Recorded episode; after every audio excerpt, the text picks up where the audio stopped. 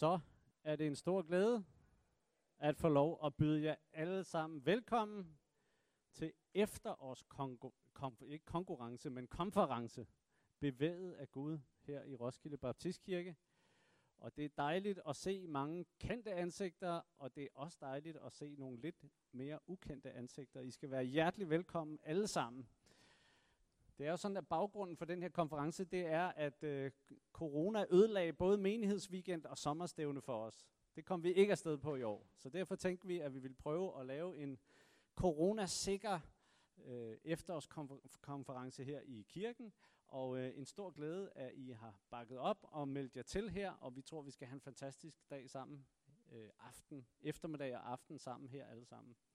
Det er sådan, at øh, nu her kommer vi til at have en samling, som, som øh, mest af alt er undervisning, bibelundervisning. Øh, vi kommer til at have noget kort, enkelt lovsang, men ellers øh, undervisning. Vi kommer til at have en enkelt pause, hvor vi kan få lov at få noget kaffe og kage. Det ved vi, det er vigtigt jo, at øh, vi også har det med. Så skal vi øh, spise sammen, drikke kaffe og have kage igen i den øh, ombæring også, og så i aften, der skal vi have et møde sammen fra klokken 7 af, hvor vi har lovsang med fuld band og forkyndelse og godt fællesskab med hinanden. Og vi regner med omkring klokken 9, at vi er færdige. Så er I friske på det? I ser faktisk også både friske og søde og rare ud. Det er jo sådan, at øh, corona er stadig i vores samfund, og derfor så skal vi lige hjælpe hinanden med at øh, bære mundbind, når vi bevæger os rundt i bygningen. Når du sidder på din plads, hvis du står op ved din plads og synger, skal du ikke have mundbind på. Men hvis du går ud på toilettet, eller du henter en kop kaffe, eller noget andet, bevæger dig rundt, så skal du lige tage mundbind på. Og hvis der er nogen, der skulle have glemt det, så har vi nogen liggende nede bagved, så kan I bare gå ned og tage dem. Og det gælder også ved maden og kaffen og alt det her. Men det tror jeg nok, at vi skal få hjulpet hinanden rimelig fornuftigt med. Jeg tænker, når man kommer til sådan en øh, konference som den her, så, øh, så er ens indstilling vigtig. Altså, hvordan er det lige, at vi møder op her i dag? Og jeg tænkte tidligere på dagen, at, at man kan komme enten som sensor eller lærling. Hvis man kommer som sensor, så kommer man og bedømmer det, der sker. Så sætter man sig sådan lidt tilbagelænet og tænker, har Jakob taget ordentligt tøj på i dag? Leder Arne lovsangen rigtigt? Er gæsteunderviseren fornuftig? Og så kan man sidde der og bedømme det hele. Og ved I hvad, det får man altså ikke særlig meget ud af, hvis det sådan, øh, er sådan en sensortilgang. Men hvis man vælger at komme som en lærling og tænke, jeg er her for at lære noget. Jeg er her for, at øh, Gud han skal tale ind i mit liv, og jeg skal få lov til at opleve, at det gør noget ved mig, ved mine tanker og ved min måde at leve på. Så er det helt sikkert, at så får, på en helt anden måde får man noget ud af det. Så jeg har lyst til at opmuntre jer alle sammen til at åbne jeres hjerter over for Gud. Vær åbne for, at han vil tale til os, at han vil røre ved os, og han vil lære os noget. At det ligesom bliver vores fælles indstilling, når vi går ind i lovsang og bøn, og når vi lytter til undervisningen her. Jeg synes, at øh, vi skal rejse os op. Om et øjeblik, så skal øh, Arne lede sin enkelt lovsang, så han må gerne gøre sig klar. Men først så synes jeg, at vi skal bede om, at vi alle sammen må få lov at opleve lige at lande øh, her, og kunne koncentrere os om det, som vi skal være sammen om her.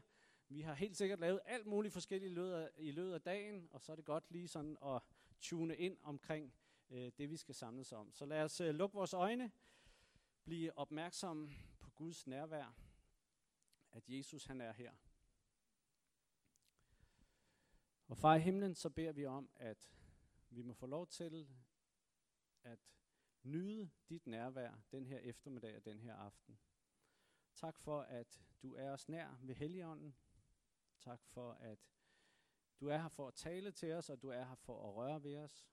Og Gud, vi ønsker fra starten af den her dag sammen at uh, sige, at vi længes efter dig.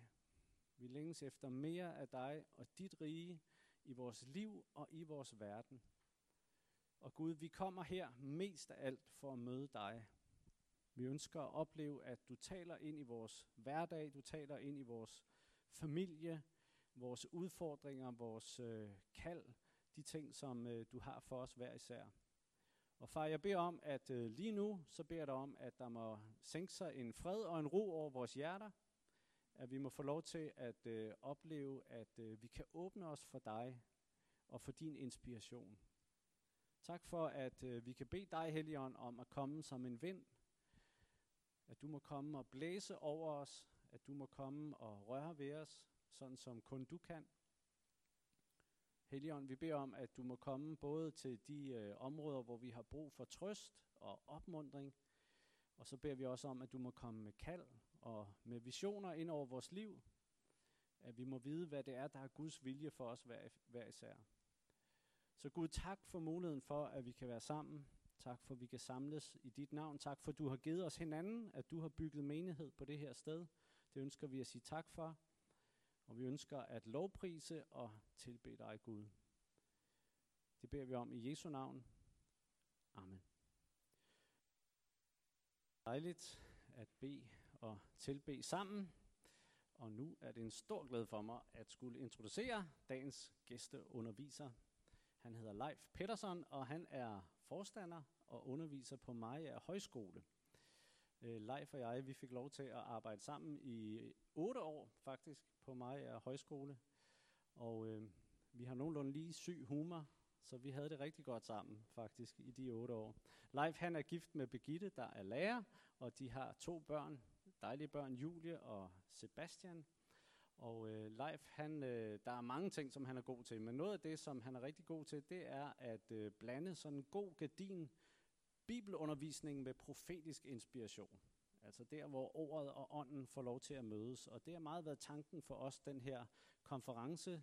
Det er derfor, den hedder Bevæget af Gud, at vi må opleve, at Gud han taler til os igennem hans ord, og han på en personlig måde også sender os ud i verden, så vi er i bevægelse. Så vi er rigtig glade for Leif, at du vil komme, og jeg synes, at vi skal give ham en stor hånd, mens han kommer herop.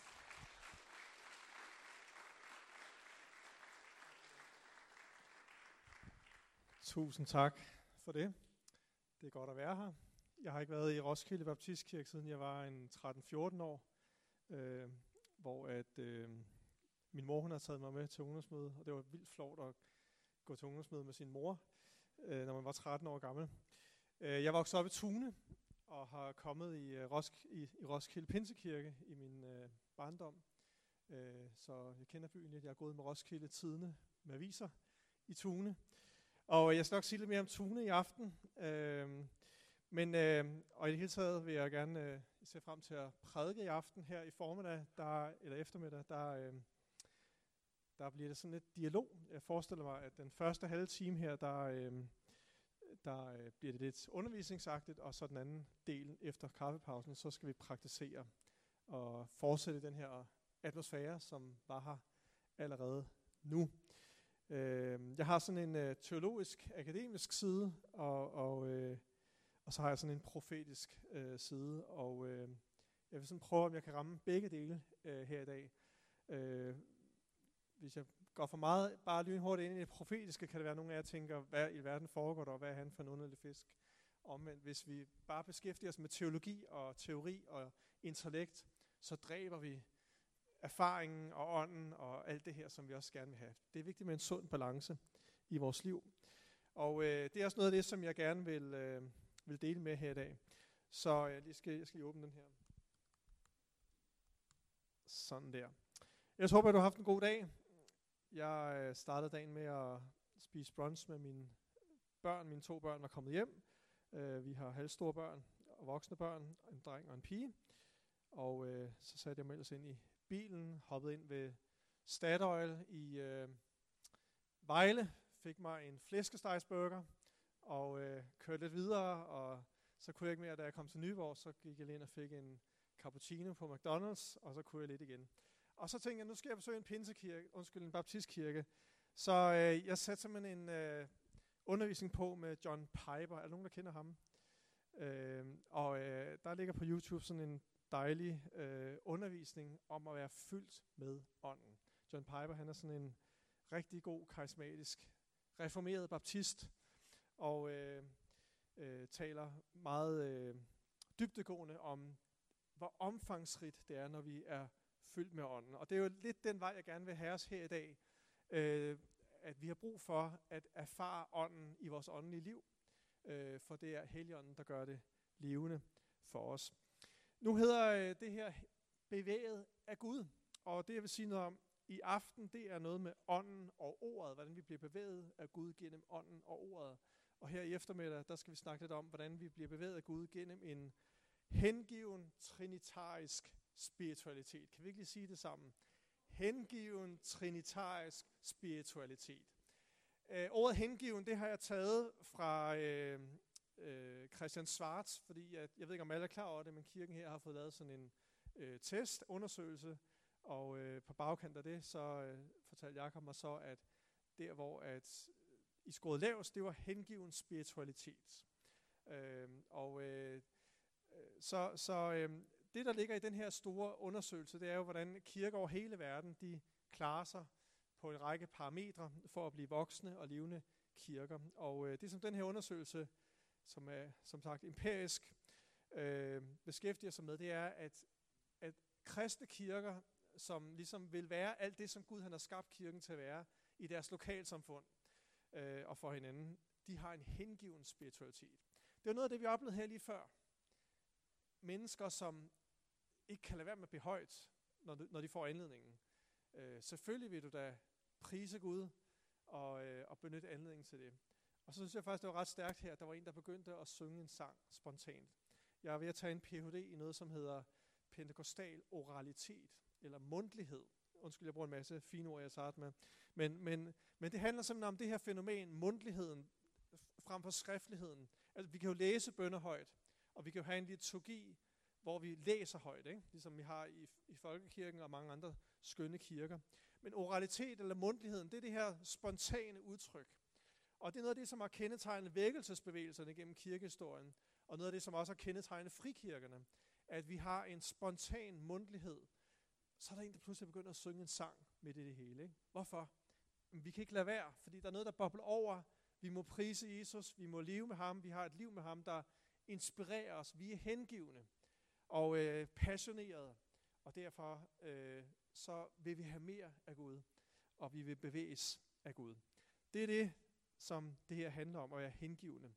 Trinitarisk skal vi prøve at pakke lidt ud. Øh, det er at være at, at tro på at praktisere øh, træenigheden, kan man sige. Og øh, spiritualitet, det dækker over hele vores åndelige liv med Gud. Hvordan vi tænker om det, og hvordan vi praktiserer bøn og bibellæsning, og, og alt, hvad vi gør i vores åndelige liv i hverdagen. Det var overskriften. Øhm, lad os starte her med... Øh, nej, det kan I ikke. I kan ikke se, når jeg trykker her. Vil du trykke dernede en gang? Nu skal jeg passe på, at jeg ikke bare trykker her. Øhm, ham her, Christian Schwartz, der har lavet den her undersøgelse, han siger, at vi skal lære at være trinitariske kristne og trinitariske kirker. Altså vi skal lære at lære Gud at kende som fader, søn og helligånd, og øh, udforske vores liv med Gud i lyset af det. Øhm, og øh, øh, i sådan en forsamling, som vi er her i dag, der har vi forskellige måder, hvor vi foretrækker at møde Gud på. Øh, og hvis vi bevæger os ud til de andre kirker i den her by her, så vil de også have nogle forskellige måder for jer at foretrække at bevæge sig Gud på. Og den bredere kristenhed, øh, globale kristenhed, jamen vi er så forskellige som kristne. Og øh, jeg tror på enhed i blandt kristne kirker. Gør I også det her? Jeg tror på, at vi skal ikke sådan isoleres fra hinanden og sige, vores måde at gøre tingene på, det er den mest rigtige, og så de andre, de er bare gammeldags, eller de er bare for stive, eller de er bare et eller andet andet. Det er os, der er fat i sandheden. Er vi enige om, det er usundt, ikke? Så langt er vi nået efterhånden, ikke?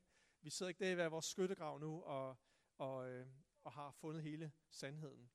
Og, og en måde at bevæge sig mod respekt for hinanden som kirker, men også respekt for hinandens øh, åndelige liv, eller måde at blive bevæget Gud på, det er ligesom at forstå, øh, hvor mangfoldige måder, de mangfoldige måder, der er at møde Gud på.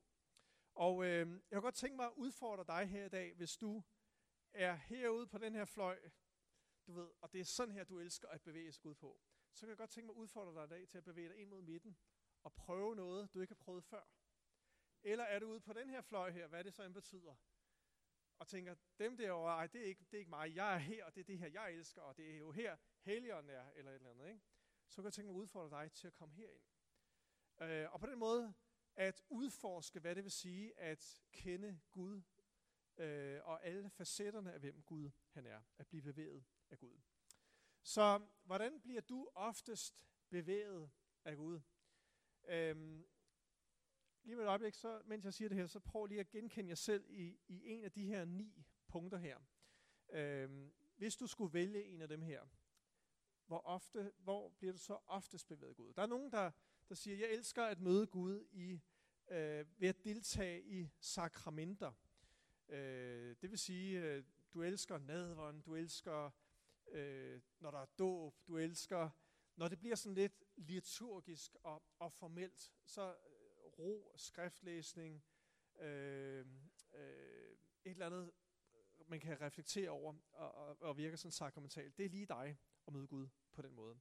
Og hvis du har det sådan, så er du altså lige så fyldt med heligånden som den anden, der elsker det spontane osv. Men det her, det er bare den måde, du foretrækker at møde Gud på.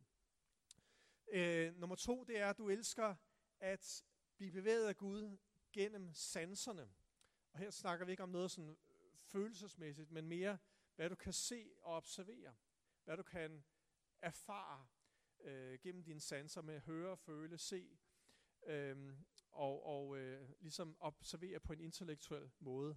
Og, og, øh, og den måde elsker du at, at opleve Gud på. Det kan være gennem at gå en tur, gennem gå, at gå i naturen, øh, blive inspireret af nogle billeder i naturen, eller øh, andre ting, der bliver sådan meget håndgribelige. En tredje måde at opleve Gud på, det er gennem fornuften. Er der nogen herinde, der elsker fornuften? Det er der ikke. Jakob, den var galt. Nå, der var en der. Og der var en der, okay, der var et par stykker der.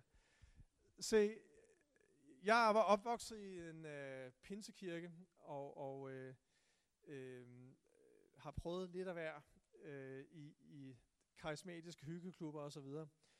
Øh, og, og derfor så har jeg fundet ud af, at jeg må i min udforskning af Gud som trinitarisk, så må jeg også prøve at bevæge mig lidt ind mod midten og, og, og smage og erfare Gud på nogle andre måder, og blandt andet gennem fornuften. Og, øh, og sådan kan vi nok alle sammen opleve, at vi svinger lidt en gang imellem, ikke også? Øh, håber jeg. I hvert fald så tror jeg faktisk, det er Guds udfordring til dig og mig, at lære altså at bruge fornuften og, og synge med forstanden, siger Paulus, men I skal også synge med ånden.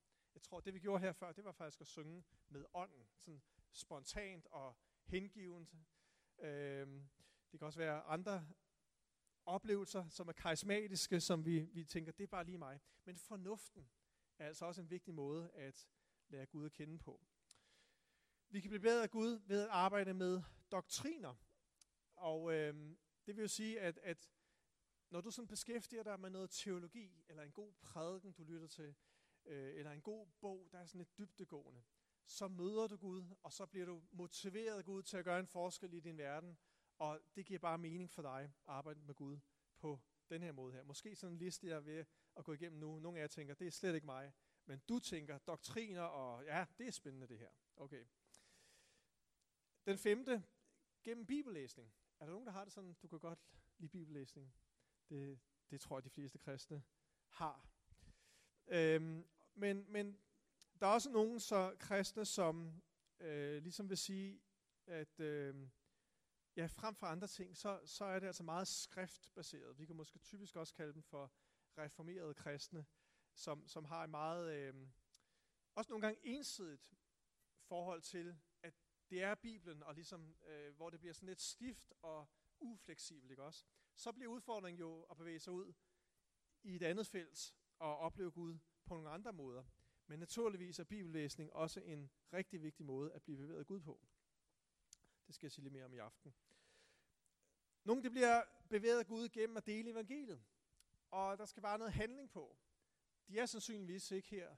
De er allerede derude og, og dele evangeliet i aften. Det er heller ikke sikkert, at de kommer i kirke i morgen.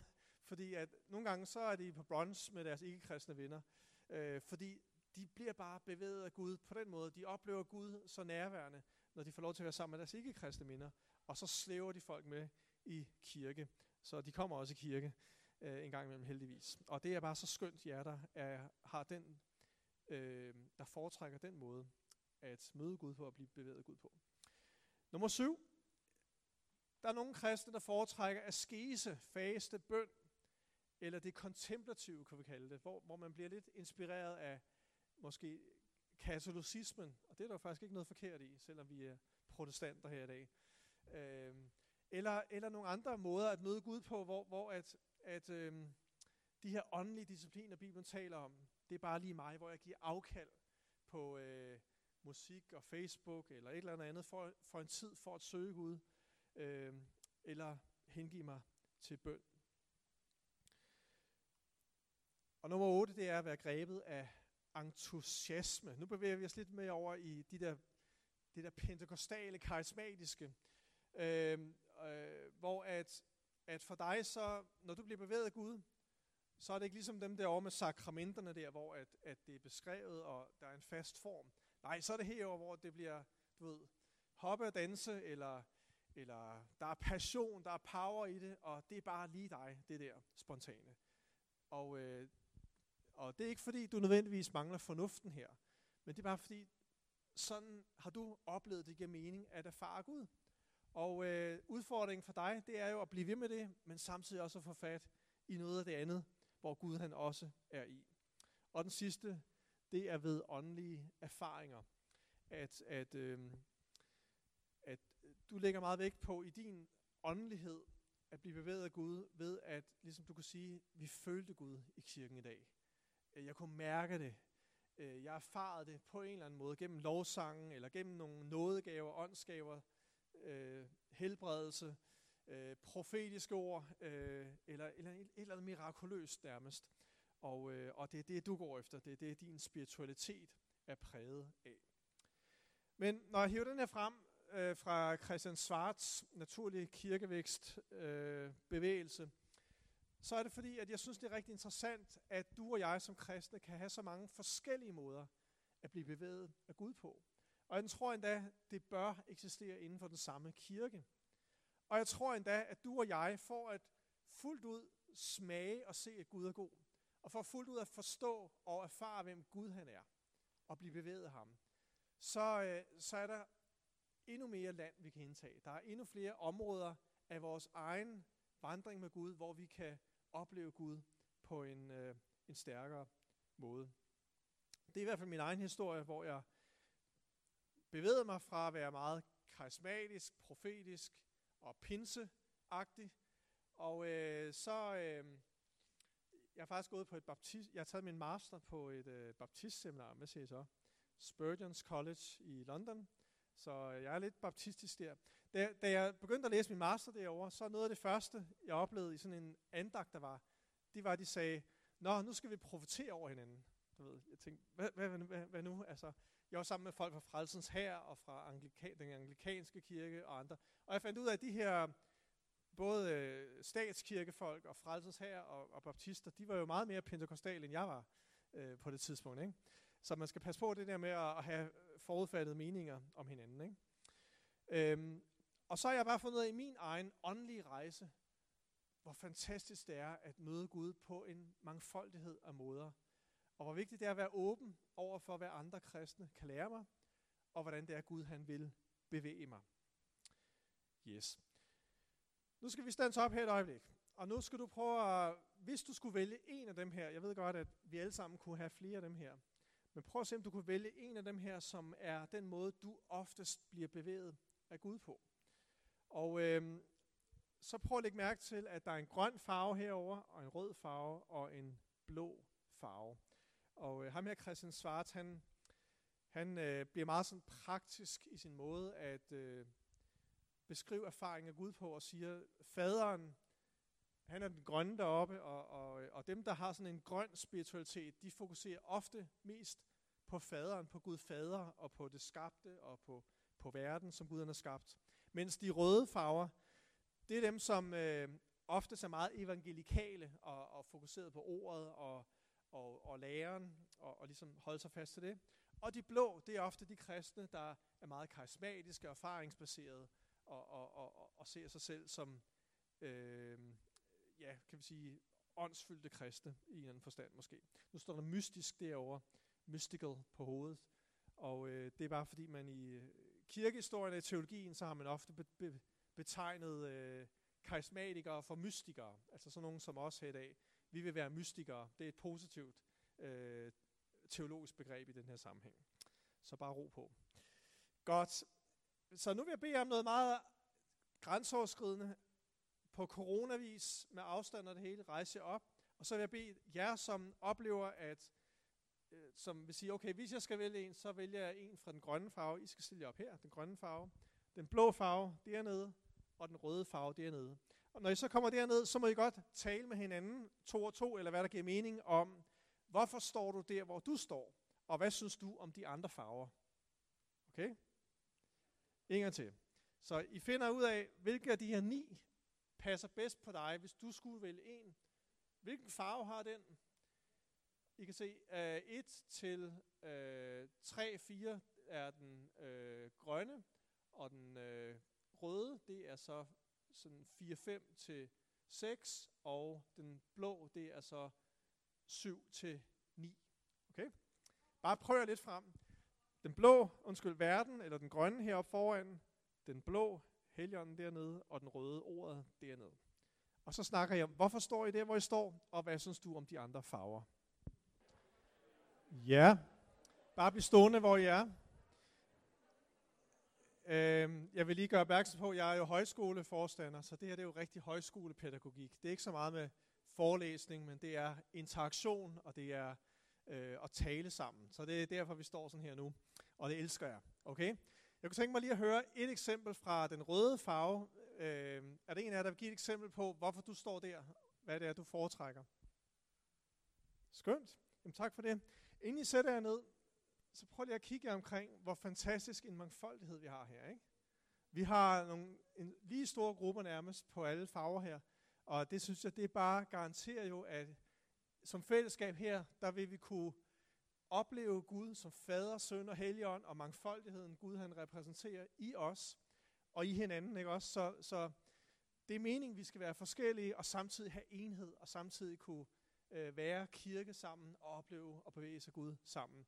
Så bliv endelig ved med det, og respektere hinanden, men også at lære hinanden. Og øh, det kunne jo være interessant, hvis vi mødtes om et år, at så havde vi alle sammen flyttet os til en ny gruppe. Og så mødes vi om tre år igen, og så har vi en ny gruppe igen, for ligesom at udforske fuldt ud, hvad det vil sige at være bevæget af Gud. Kan I se det? Værsgo sidde ned igen. Lad os øh, lige se kort på lidt træenighedslærer. Det at være bevæget af Gud. Hvem er det, vi bliver bevæget af?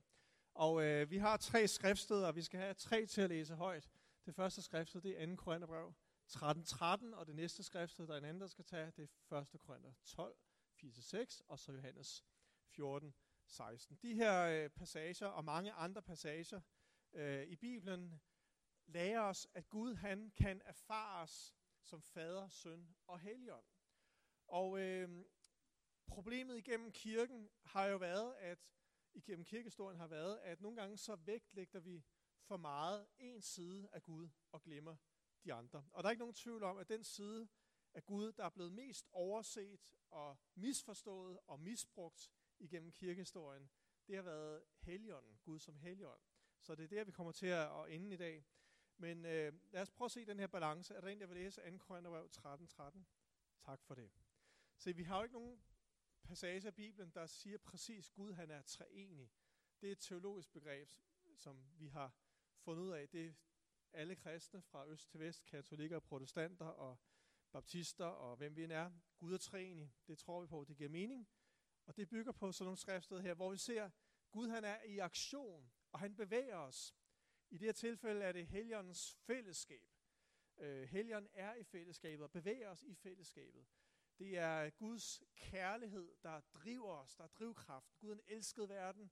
Han, elskede, han sendte sin søn af kærlighed til verden, og han udgør sin kærlighed i vores hjerter, ved sin ånd i øvrigt, og så gør, at vi kan elske hinanden. Så det bliver en drivkraft, vi bliver bevæget af Guds kærlighed. Og så har vi Jesu Kristi nåde, frelsen og forsoningen i ham, som naturligvis sætter os fri og bevæger os ud med forsoning i verden og fred til den her verden. Et fantastisk skriftsted. Og så har vi 1. Korintherbrev, kapitel 12. Er det en, der vil læse det? Ja, så læg mærke til her igen, der har vi alle tre personer i guddommen, men det er én Gud, det er den samme Gud, det er den samme ånd. Og Paulus han siger i øh, 1. Korinther 12, det, det er vigtigt, at vi bevarer enheden i forskelligheden. Det er vigtigt, at vi øh, stræber efter en mangfoldighed af nådegaver, og samtidig bevare enheden og har fokus på det, som bygger menigheden op. Og øh, her der ser vi ligesom de her grønne, eller de her tre farver, øh, grøn, blå og, og rød, hvis det var den farve, de var. Øh, jeg var farveblind, som sagt. Men det er vigtigt, at vi ligesom øh, ser, hvordan kan jeg tilføre noget til resten af fællesskabet med min farve, med min spiritualitet, og, og, og ligesom sige, jeg har den her tilgang til det, og det bringer jeg ind til fællesskabet. Og så lytter jeg og lærer jeg og vandrer jeg sammen med de andre farver, fordi de kan også lære mig noget om Gud, og sammen kan vi så bevæge sig Gud og række ud til mennesker omkring os. Så derfor er de forskellige tjenester vigtige.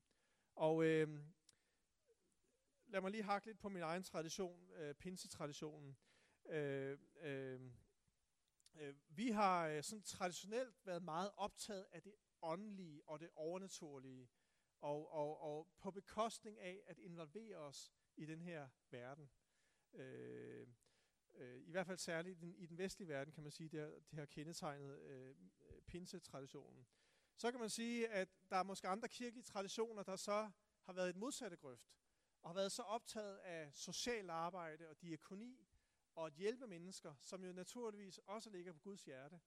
Men så har man så helt glemt øh, øh, den her personlige overgivelse til Jesus og omvendelse, og det her personlige liv med Gud og med Helligånden, som er vigtigt for, at vi virkelig kan skabe forandring i os selv og i vores verden.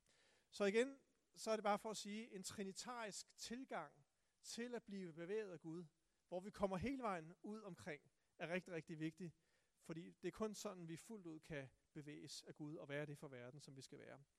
Så har vi Johannes 14, 16. Er der en, der vil læse det? Så her der har vi igen en trinitarisk passage, som viser os i vores erfaring af Gud. Og når vi skal bevæge os af Gud, så vi har faderen, der elsker os, men han sendte Kristus, og i Kristus, der skal vi frelses. Der er kun frelse gennem Kristus. Der er ikke frelse gennem social arbejde. Der er ikke frelse heller gennem øh, åndelige oplevelser i sig selv, kan man sige, øh, eller følelsesmæssige ting i sig selv. Der er frelse i Kristus som sender os Helligånden. Det stopper ikke ved Kristus. Det stopper ikke ved faderen. Det fortsætter med Helligånden. Man kalder også Helligånden for, nu kommer der lige et farligt ord, den eskatologiske ånd. Kan I lige sige det engang? Den eskatologiske ånd. Og det eskatologien, det er den disciplin inden for teologien, der beskæftiger sig med den sidste tid, eller endetiden. Og bibelsk set, så er endetiden ikke bare Jesu genkomst en eller anden gang. Endetiden, det startede på pinsedag. Det var der, Gud han udgivet af sin ånd over alt kød, og, og Peter han siger, her sker det, som er talt ved profeten Joel, i de sidste dage ved at udgive af min ånd over alt kød, og alle skal blive profetiske. Alle skal blive åndsfyldte, øh, som vil tage imod, og alle skal opleve frelsen, hvis man vil tage imod. Og det er lige meget, om det er børn, unge, kvinder eller mænd, græker eller jøder, eller hvem du er. Det er for alle ved Helligånden. Og så begynder Bibelen og det nye testamente at udfolde efter pinsedag, hvad det vil sige at være en kristen, og hvad det vil sige at være bevæget af Gud. Det er noget, vi erfarer ved Helligånden. Og det er derfor, Jesus han her i Johannes 14 siger, I skal ikke være ked af det. Det er gavnligt for jer, at jeg går bort, fordi jeg vil sende jer talsmanden. Og faderen og jeg, vi er enige om, talsmanden skal komme til jer, fordi at det bliver det allerbedste, det ultimative, som vi har tænkt for jer her på jorden, indtil vi skal være sammen igen. Så derfor er Helligånden den eskatologiske ånd, eller den ultimative, altså ligesom prikken over i ikke misforstået som om han er mindre eller noget, men, men vi skal have helgeren med, øh, som skal forme os, danne os til Kristi lighed. Helgeren, som skal være drivkraften i vores åndelige liv, hvad enten du kan lide det liturgiske, sakramentale, eller du elsker Bibelen og, og, og vil bare bevæge dig i det, eller, eller du elsker et eller andet følelsesmæssigt, erfaringsmæssigt osv. Uanset hvilken slags spiritualitet du har i den forstand, så er det Helligånden, der levende gør det. Og det er Helligånden, der gør hele forskellen. Og det har altid været Guds vilje, kan vi se igennem det gamle testamente, at mennesker skulle fyldes og drives af Helligånden og have en personlig erfaring af Gud. At det ikke bare er heroppe i forstanden, men det går ned i hjertet og kommer ud i vores krop. Kan I sige amen til det? Talsmanden. Lad os lige kigge på, øh, før pausen her, tre forhindringer for at blive bevæget af Gud. For at få den her fulde oplevelse af, hvem Gud han er. For det første, så øh, for at have sådan en trinitarisk øh, spiritualitet, så skal vi overvinde religiøs ekstremisme, sektarisme eller fundamentalisme gennem en dybere trinitarisk spiritualitet. Kan vide, hvad jeg mente med det? Jo. Øhm, det jeg mener med det, det er, at, at vi skal passe på, at vi ikke bliver kristne kirker, som naturligvis bare bliver sådan nogle, øh, bliver ekstreme på et felt. Og det gør vi, hvis vi, hvis vi kun dyrker vores egen foretrukne spiritualitet. Eller hvis vi kun ønsker at gøre det på den måde, jeg altid har lært det, ikke også? så, så øh, går jeg glip af Gud, øh, fylden af hvem han er.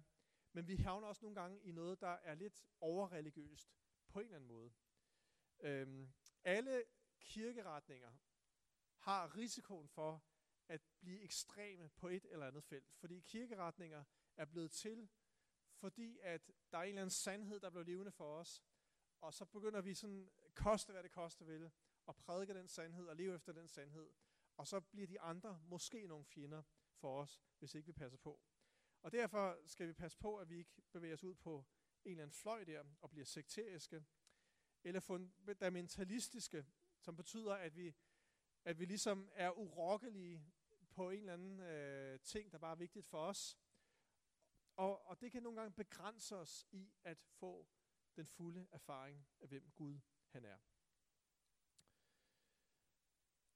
Den anden forhindring for at blive endnu mere bevæget af Gud, det er, at vi må overvinde sekularisme og kulturkristendom gennem en dybere karismatisk spiritualitet.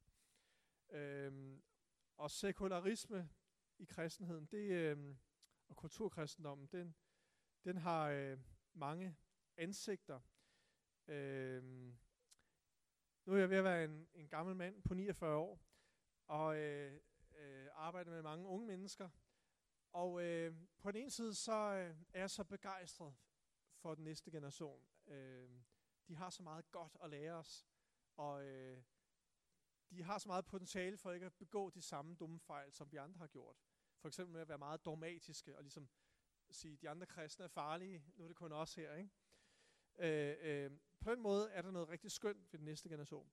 Det, som jeg kan være lidt bekymret for ved den næste generation, det er, øh, oplever de virkelig Helligånden? Oplever de virkelig øh, det der personlige liv med Gud?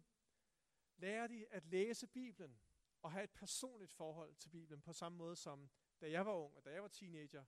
Øh, så der, der fik vi bibler, og så blev vi øh, bedt om at citere Bibelens bøger uden ad i rækkefølge, og, og vi lærte at læse Bibelen, osv. osv. Og, og, og der er en, øh, i dag en, en, en stærkere og stærkere øh, bibelanalfabetisme, bla bla bla, i den stil, ikke? Vi kan ikke, at man ikke får læst Bibelen øh, på samme måde, som, som tidligere generationer måske har gjort det. Til gengæld er de ikke lige så fundamentalistiske og fastsatte. Øh, men vi skal passe på, at vi ikke øh, bliver sådan nogle frikirkelige kulturkristne, fordi nogle gange, så vi kan hurtigt blive enige om, at, at et af de problemer, vi har i Danmark, det er, at de fleste danskere tror, de er kristne, bare fordi de går i en kirke til jul, eller fordi de er barnedøbte. Øh, det er et stort problem, vi har i vores samfund, og nu er det heldigvis Gud, og ikke dig og mig, der bestemmer, hvem der er virkelig kristne, ikke også? Det skal vi huske. Men, men vi står jo for en kristendom, der, der vil mere end bare være en kultur. Vi står for en evangelisk kristendom, hvor at vi tror på, det er vigtigt, at hver enkelt menneske kommer til erkendelse, at Jesus han er vejen, sandheden og livet. Og at jeg begynder at leve mit liv radikalt ved ham. Og øh, derfor så tror jeg, vi skal være opmærksom på, at der kan snige sig en anden form for kulturkristendom ind, så vi bliver frikirke kulturkristne. Jeg er vokset op i en baptistkirke eller en pinsekirke. Jeg er vokset op i det her, og, og, og så følger jeg bare ligesom med, uden at det virkelig får, øh, øh, uden at jeg virkelig får et åndeligt gennembrud. Og, og derfor så har vi brug for den karismatiske spiritualitet, som er øh, forståelsen for, at helligånden kan virke som jeg tror, vi allerede har mærket det her i dag. Øh, og at Helligånden også vil virke i vores hverdag, og øh, vil være drivkraften i vores åndelige liv med ham på en lang række forskellige måder. Det at være karismatisk betyder virkelig, at du er åben over for, at Helligånden og Gud han kan virke ikke bare i Bibelens tid, men han kan virke i vores tid i dag. Med mirakler, med helbredelse, han kan tale til os, han kan lede os, øh, han kan gøre uforventede ting, han er også i det planlagte, men det er Gud, og det er Gud, der virker ved sin hellige ånd. Den sidste øh, forhindring, det er, at vi må overvinde individualisme og egoisme gennem en dybere relationel spiritualitet. Se, Gud han er treenig, fader, søn og helligånd. Timothy Keller, øh, en kendt øh, teolog, han, han siger, treenigheden danser. Gud han danser. Faderen, sønnen og helligånden danser med hinanden, og, og det er ligesom, så ser vi den ene træde frem, fordi nu er der brug for lidt øh, Jesus, og så træder den anden pludselig frem, for nu har vi brug for noget faderskab, og så kommer Jesus, eller så kommer Helligånden, og, og på den måde er, er Gud meget dynamisk, og de danser med hinanden. Det er selvfølgelig bare et billede på, at, at Gud han øh, rækker ud til os på den måde, som vi har brug for det, og vil bevæge os på den måde, vi har brug for det. Så Gud han er relationel i den forstand, og derfor, øh, når mand og kvinde er skabt i Guds billede, det er også en relation, som, hvor vi supplerer hinanden som mand og kvinde. Og kirken er også et billede på den her relation, øh, hvor at, at vi skal reflektere Gud. Faderen, sønnen og, og Helligånden er forskellige, de har forskellige funktioner, men samtidig så er de en Gud. Det er mysteriet omkring treenigheden. Ikke? Og det samme skal vi praktisere i vores fællesskab. Du skal fortsætte med at være dig, og ikke være en kopi af de andre, og heller ikke efterligne de andre, men vi skal også være en enhed samtidig med, og vi skal respektere og give plads til hinanden, selvom vi er forskellige i vores spiritualitet. Så når vi snakker om at være bevæget af Gud, så skal vi passe på relationerne med hinanden, og overbærenheden med hinanden, og, øh, og tillade, at der bliver begået fejl. Lad os nu sige, at vi åbner lidt mere op for det profetiske. Vi skal tillade, at der bliver begået fejl. Lad os nu sige, at vi lader nogen nørde med det kontemplative og sætte nogle strinlys op. Det skal også være okay. De skal have lov til at begå nogle fejl. Ikke? Kan I følge mig?